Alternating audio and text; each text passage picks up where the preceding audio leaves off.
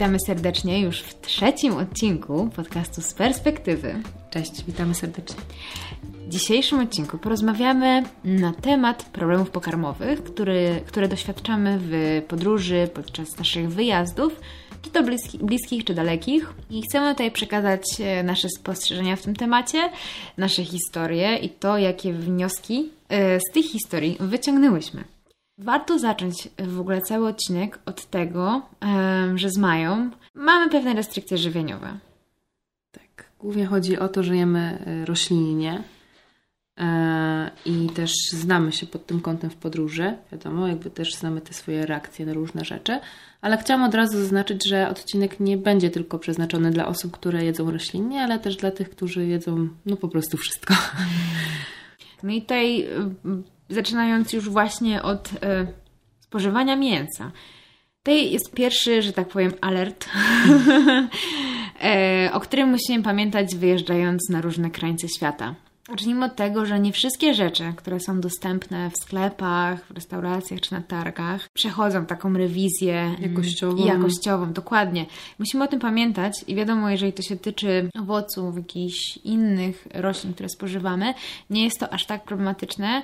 Gorzej jest, jeżeli już tutaj mamy do czynienia z produktami odzwierzęcymi, a szczególnie z mięsem, które nie na wszystkich krańcach świata jest prawidłowo przebadane. No i tutaj rodzą się różne problemy oraz to, co znajduje się w tym mięsie, jakie bakterie spożywamy jednocześnie jedząc takie rzeczy. Mm, więc miejcie to na uwadze. Jakby absolutnie tutaj nie chcemy przyciągać na naszą stronę. Tak, nie, nie mamy tego I na celu. To nie jest, to nie, to dokładnie, nie mamy tego na celu, co nie zmienia faktu, że warto się zorientować w tym temacie, poczytać sobie trochę więcej artykułów naukowych i w ogóle się zorientować, o co w tym wszystkim chodzi. No ale wracając już do naszego tutaj um, wegetarianizmu, um, diety roślinnej. Co no, jakby pierwszy problem w ogóle, jaki się pojawia tutaj, no to fakt tego, że ograniczamy sobie jednak w jakiś sposób tą kuchnię. Tak, znaczy my głównie byłyśmy wegankami przez dłuższy czas, ale z, jakby wiadomo, że w podróży jest to troszeczkę trudniejsze, bo Przyznam szczerze, że Polska jest bardzo rozwinięta pod kątem weganizmu i stricte kuchni roślinnej, więc nam jest dużo prościej tutaj się odżywiać niż w podróży. Więc y, na, na momenty właśnie wyjazdowe jesteśmy stricte e, przestawione na ten wegetarianizm, ale też pod kątem jakby próbowania tej kuchni od strony właśnie tej kulturowej, bo, bo to też jest doświadczenie poprzez smak.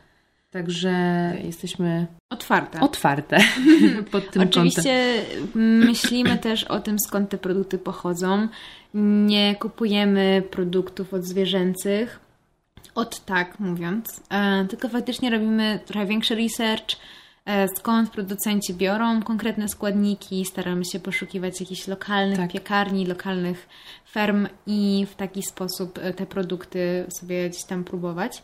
Dzięki temu też poznajemy lokalnych przedsiębiorców, co jest kolejną fajną mm, sprawą w podróży, myślę. Tak, absolutnie. Tak, no ale niestety jakby te wszystkie restrykcje, które sobie gdzieś tam nałożyłyśmy w naszym życiu z wyborów etycznych czy też zdrowotnych, mm, no nie do końca pozytywnie wpływają e, na to, co spożywamy w podróży. Nie zawsze jesteśmy pewne, co w ogóle w tych daniach się znajduje. Zjemy coś, co nie do końca do nas dobrze wpływa, no i zaczynają się wtedy problemy. Mm, no i u mnie taka plejada różnych problemów zaczęła się blisko rok temu. Myślałam naprawdę bardzo długo, że jestem niezniszczalna. Niestety pojechałam do Pakistanu i już pierwszego dnia trekkingu dopadła mnie, e, dopadło mnie absolutne zatrucie pokarmowe, które wykończyło mnie w jedną noc tak naprawdę. Trochę nie wiedziałam, jak się ratować. bardzo pomocne okazały się krople żołądkowe które w tych pierwszych godzinach uratowały sprawy i choć trochę sprawiły, że poczułam się lepiej. Później doładowanie się kolą, która gdzieś tam usprawniła mój żołądek, jednocześnie dała dużo cukru, który się bardzo szybko i łatwo przyswoił. No i proste pokarmy typu herbatniki i kisiel, które przez kolejne dni spożywałam. No i tak naprawdę nic więcej. Co było bardzo męczące. Tak naprawdę do końca wyjazdu starałam się bardzo ostrożnie z powrotem wracać w tą lokalną florę bakteryjną. nie do końca chciało mi pomóc, pomóc leki, które miałam ze sobą, zaczynając od bardzo delikatnych środków jak naturalny węgiel, kończąc już na antybiotyku Xifaxan. Mm, dlatego też warto czasem skłonić się ku lokalnym medykamentom, które, które faktycznie uderzają w konkretne bakterie. Yy, stąd też no, może się to wydawać dziwne i, i dużo tutaj się pojawia obaw, że ale jak to? Przecież nie do końca ufam tym medykamentom, tym bardziej kupionym w Pakistanie, ale właśnie jakby producenci tych leków doskonale wiedzą, jakie bakterie mogą się tam pojawić, a nasze leki z Polski nie do końca tym bakteriom mogą zapobiegać. Więc miejcie to też na uwadze. E, no ale właśnie, kontynuując moją historię, no po sytuacji w Pakistanie ciężko było mi wrócić do siebie, mimo prywatnych wyjazdów, gdzie myślałam, że wszystko ok, podróżowałam w obrębie Europy, dalej było dużo problemów, musiałam troszeczkę zweryfikować swoje plany i niestety po kilku e, tygodniach e, w Turcji pojawia się bardzo podobna sytuacja. Tam skończyłam już w gorszym stanie, gdzie myślałam, że nie da się mieć gorszego stanu. I tutaj również no, mm, silne leki oraz duża rekonwalescencja w hotelu mi pomogły. Dzięki temu mogłam kontynuować całą wyprawę, mm, mogłam wejść na kolejną górę, a już później spożywać przepyszny irański street food, który serdecznie polecam. Jeżeli nie w samym Iranie, to mm, warto sobie tutaj zerknąć na przepisy e, z tamtych stron świata. No i cały czas borykam się z różnymi problemami mm, natury gastrycznej. Muszę bardzo uważać, co spożywam, e, weryfikować to przez różne badania, jak ten organizm się zachowuje, jak wygląda flora bakteryjna. Stąd też mm, taka decyzja o tym, żeby słuchać swojego organizmu, jeść intuicyjnie, szczególnie jeżeli podpowiada mi mm, w kwestii na przykład odbudowywania tej flory bakteryjnej, spożywania jakichś jogurtów naturalnych, kefirów, które faktycznie mogą nas w tym wszystkim wspomóc. Wow, była historia, ale człowiek najlepiej uczy się na błędach, więc y, myślę, że tutaj kwestia zabierania własnych pokarmów jest ważna, nie? Absolutnie. Ja jakby też zdarzyły mi się po prostu takie małe wpadki. No nie małe, bo przy Zosi to naprawdę nic, nic takiego i ja też miałam taką sytuację, będąc w zasadzie w Europie. E, I to niedaleko, bo to była Francja, e, gdzie na dobrą sprawę lekarz mi przypisał właśnie picie coli autentycznie. Mhm. Także faktycznie y, mogę tutaj podpisać się pod tym, że ta kola gdzieś tam jest dla nas niezbędna przy takich rewolucjach żołądkowych. E, ale tak, właśnie zabieranie na przykład ze sobą jedzenia, które jest nam znane, też jest takie kluczowe, bym powiedziała, czyli tak jak Sosia wspomniała chociażby o takich kisiakach, które są po prostu łagodne dla naszego żołądka. Ja też jestem e, mocną zwolenniczką na przykład picia siemienia lnianego, który jest takim naturalnym, naturalną osłonką dla naszych jelit, więc też no nie każdy lubi, ale są, słuchajcie, też takie fajne siemię, które są smakowe, więc zawsze o, to jest tak. No to nie wiedziałam. E, zawsze to jest jakaś alternatywa dla tego ciężkiego smaku. Tak, ja myślę, że też warto przewidzieć tutaj dodatkowe zabieranie jedzenia do samolotu. Um, jakby godziny wydawania posiłków w samolocie nie są absolutnie prawidłowymi godzinami, szczególnie jeżeli mamy nocny lot i nagle serwis pokładowy otwiera się o drugiej w nocy. Jakby, to no nie, nie, są nasze pory to jedzenia. To nie są nasze pory jedzenia. Ogólnie e, po prostu jakby to jest pora na sen, a nie na trawienie tak ciężkich posiłków, -hmm. jakie dostajemy. I człowiek jest totalnie rozstrojony. Ja, ja już po wielu, wielu takich lotach, no, jest coraz gorzej. Więc tym bardziej staram się przewidzieć, przeanalizować sobie te loty i faktycznie dostosować te posiłki, przygotować sobie samodzielnie coś, co no, łatwo przetransportować. I wiemy, że nam to się nie wyleje na cały bagaż. I faktycznie dostosowywać sobie te posiłki pod siebie, a nie konkretnie pod to jak serwis jest otwierany w nocy. Zdecydowanie. I jakby kolejna ważna sprawa, czyli woda. Jakby bardzo oczywista i z punktu widzenia tutaj naszego europejskiego, polskiego, jakby bezproblemowa tak naprawdę, przynajmniej w większości przypadków. Niestety na krańcach świata podczas dalekich wyjazdów pojawia się coraz więcej problemu. Automatycznie kancelujemy wszystkie butelki z filtrem, tak. poza tam już wyspecyfikowanymi markami, które faktycznie te butelki mają już naprawdę bardzo dobrej jakości, konkretnie same filtry. Mhm. Tutaj można sobie zrobić research w tym temacie i zobaczyć sobie faktycznie, jak to wszystko działa.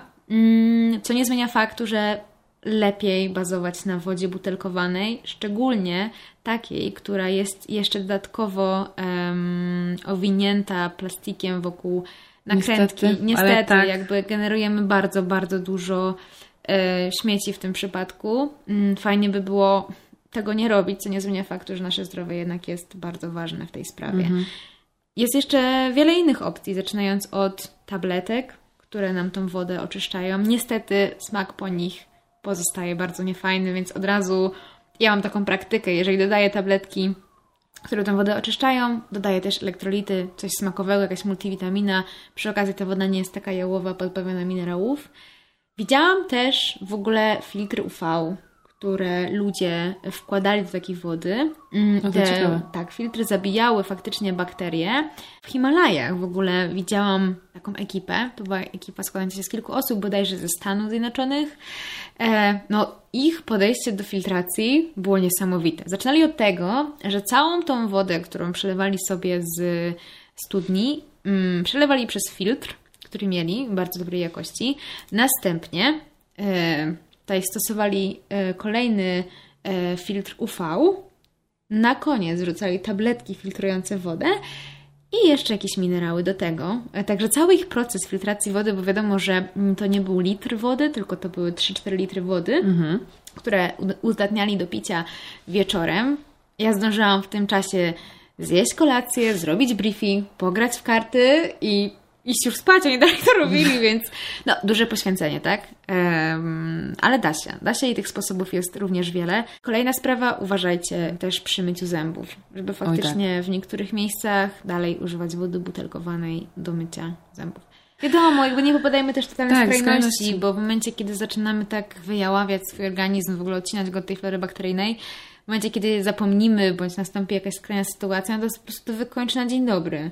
Więc też nie ma co w ogóle popadać w, w drugą stronę, tę drugą skrajność, mieć w tym wszystkim rozwagę i i jakby no, pewne rzeczy zauważamy, tak? By zrobić jakiś wywiad środowiskowy z kimś, kto tam był. Jest nam w stanie więcej powiedzieć o tym miejscu w ogóle. Zawsze się przygotowujemy pod kątem tego Tak, do podróży. Tak. Ja też chciałabym od razu wspomnieć tutaj o, o szczepieniach, bo w sytuacjach kryzysowych też to jest bardzo ważne i takie e, szczepienia rutynowe, że Mhm. tak powiem, czyli przede wszystkim nadór brzuszny i WZWA, które w zasadzie chyba odnawia się po dwóch latach. Nie wiem, to się zakres się zmienia. Tak, jakby tam jest tak, że chyba można odnowić po jakimś czasie i potem już jest na całe Tak, życie. tak. Więc jakby koszt może faktycznie nie jest jakoś satysfakcjonujący, ale jeżeli podróżujemy bardzo dużo, to warto o tym pamiętać. Nie wiem, czy coś jeszcze chcesz wspomnieć przy okazji No, przede medycyny. wszystkim tutaj podróży? udać się do lekarza w ogóle medycyny tropikalnej, bo my z Mają nie mamy wykształcenia medycznego, więc... To też takie- zaznaczamy. Dokładnie, więc nie sugerujcie się też do końca naszymi sposobami. My tutaj podpowiadamy w jakiś sposób albo dzielimy się naszą praktyką, ale kluczowe jest tutaj w ogóle pójście do lekarza, przeanalizowanie tych spraw pod kątem indywidualnym, e, zrobienie wszelkich badań, e, dokonanie pewnej konsultacji, no i wiadomo, zaopatrzenia się w leki, które nas mogą uratować. Tak jak wspominałam, można sobie tutaj stopniować w kwestiach leków, które zapobiegają bądź już działają w sytuacji biegunki, zaczynając od węgla, kończąc na silnych antybiotykach. No i sprawa na przykład probiotyków, które też warto na początku takiego wyjazdu stosować, żeby tą florę, florę bakteryjną ochronić, a z czasem gdzieś tam już faktycznie e, zmniejszać tą dawkę, żeby płynnie przejść w jej zmianę. Mm, No i elektrolity. Tak. Chociaż Które- mi się bardzo źle kojarzą, ale nie będę poruszać tej kwestii. To i tak są bardzo, bardzo istotnym elementem w naszym bagażu. Dokładnie. Czy to w sytuacjach kryzysowych, jak biegunka, gdzie się odwadniamy bardzo, czy to w sytuacjach, gdzie jest bardzo gorąco i tym bardziej musimy uzupełnić płyny, mamy duży wysiłek fizyczny. No ale teraz przejdźmy do rzeczy bardziej przyjemnych. Załóżmy, że już zadbaliśmy o te wszystkie aspekty. Mamy super wyposażenie medyczne, jesteśmy po wizycie u lekarza medycyny tropikalnej, yy, zabezpieczyliśmy swoją florę bakteryjną, przechodzimy do lokalnej kuchni. Tak. I pod tym kątem myślę, że warto sobie zrobić taką listę.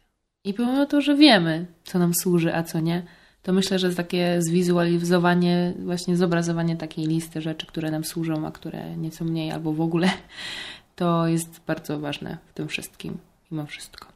Tak, jakby bardzo ułatwia też podejmowanie tak. pewnych decyzji i faktycznie nie wkopywanie się w sytuację, gdzie później cały wieczór mamy ciężki z powodów właśnie pokarmowych. Zdecydowanie. No i też jakby to, co jemy. Mam na myśli, czy jest ugotowane, czy jest surowe. Tak, czy jest surowe. Warto o tym pamiętać, że jesteśmy podekscytowani na przykład w podróży tymi wszystkimi dobrodziejstwami, które nam podstawiają lokalni, e, lokalni tutaj sprzedawcy. Mówię tu na przykład o owocach. E, to warto pamiętać, że zawsze je czymś przemyć, Wiadomo, że z tą wodą też bywa, bywa różnie, ale mieć tą butelkowaną wodę i przemyć ją i dopiero wtedy no, skosztować tych wszystkich dobrodziejstw.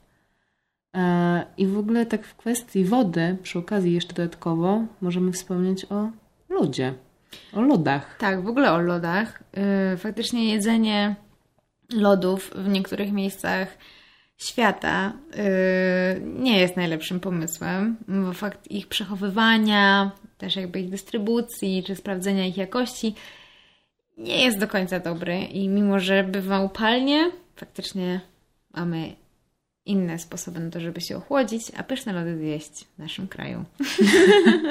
to tak jesteśmy straszne.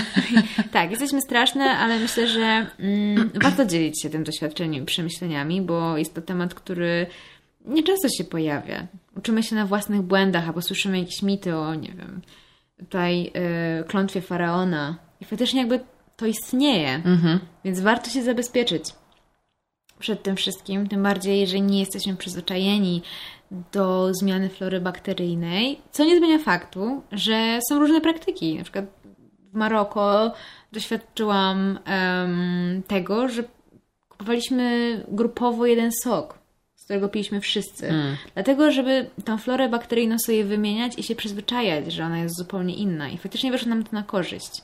Potem kupowaliśmy kolejne soki, znowu go piliśmy wszyscy. Mm. I inna sprawa, którą doświadczyłam w sytuacjach właśnie tej pokarmowych, to nie to jedzenie na miejscu mnie wykończyło, ale powrót do Polski mnie wykończył i polskie jedzenie. Ale pod tym kątem, że jakby byłaś spragniona tego. Tak, faktycznie tego szybko na nie napadałam. Tak. I to też jest niezbyt dobre. To też właśnie warto zaznaczyć, że mimo wszystko powoli wchodzić w tę zmianę mhm. E, kultury tak. E, bakteryjnej. No i nie ukrywajmy, jeżeli jesteśmy w krajach e, typu Tanzania, bardzo często spożywamy produkty bardzo świeże, lokalne, które są pozbawione chemii. U nas w kraju wygląda to troszeczkę inaczej. Więc nasz organizm w momencie długiego pobytu odzwyczaja się od tej chemii w pożywieniu, więc nagle jak wrócimy do Polski i rzucimy się na to wszystko, no może to być różnie. Mnie na przykład zabiły domowe, co prawda, kluski ziemniaczane, które zjadłam jeszcze w drodze z lotniska do domu, a następny dzień był bardzo ciężki. Absolutnie. Także mamy nadzieję, że nasze tutaj pomysły, podpowiedzi i refleksje pomogły Wam mm, przemyśleć sobie ten temat, ułożyć sobie to wszystko w głowie. I czekamy na Wasze propozycje albo jakieś sposoby. Czekamy. Czekamy serdecznie i do usłyszenia. Niedługo. Niedługo, na następnym odcinku.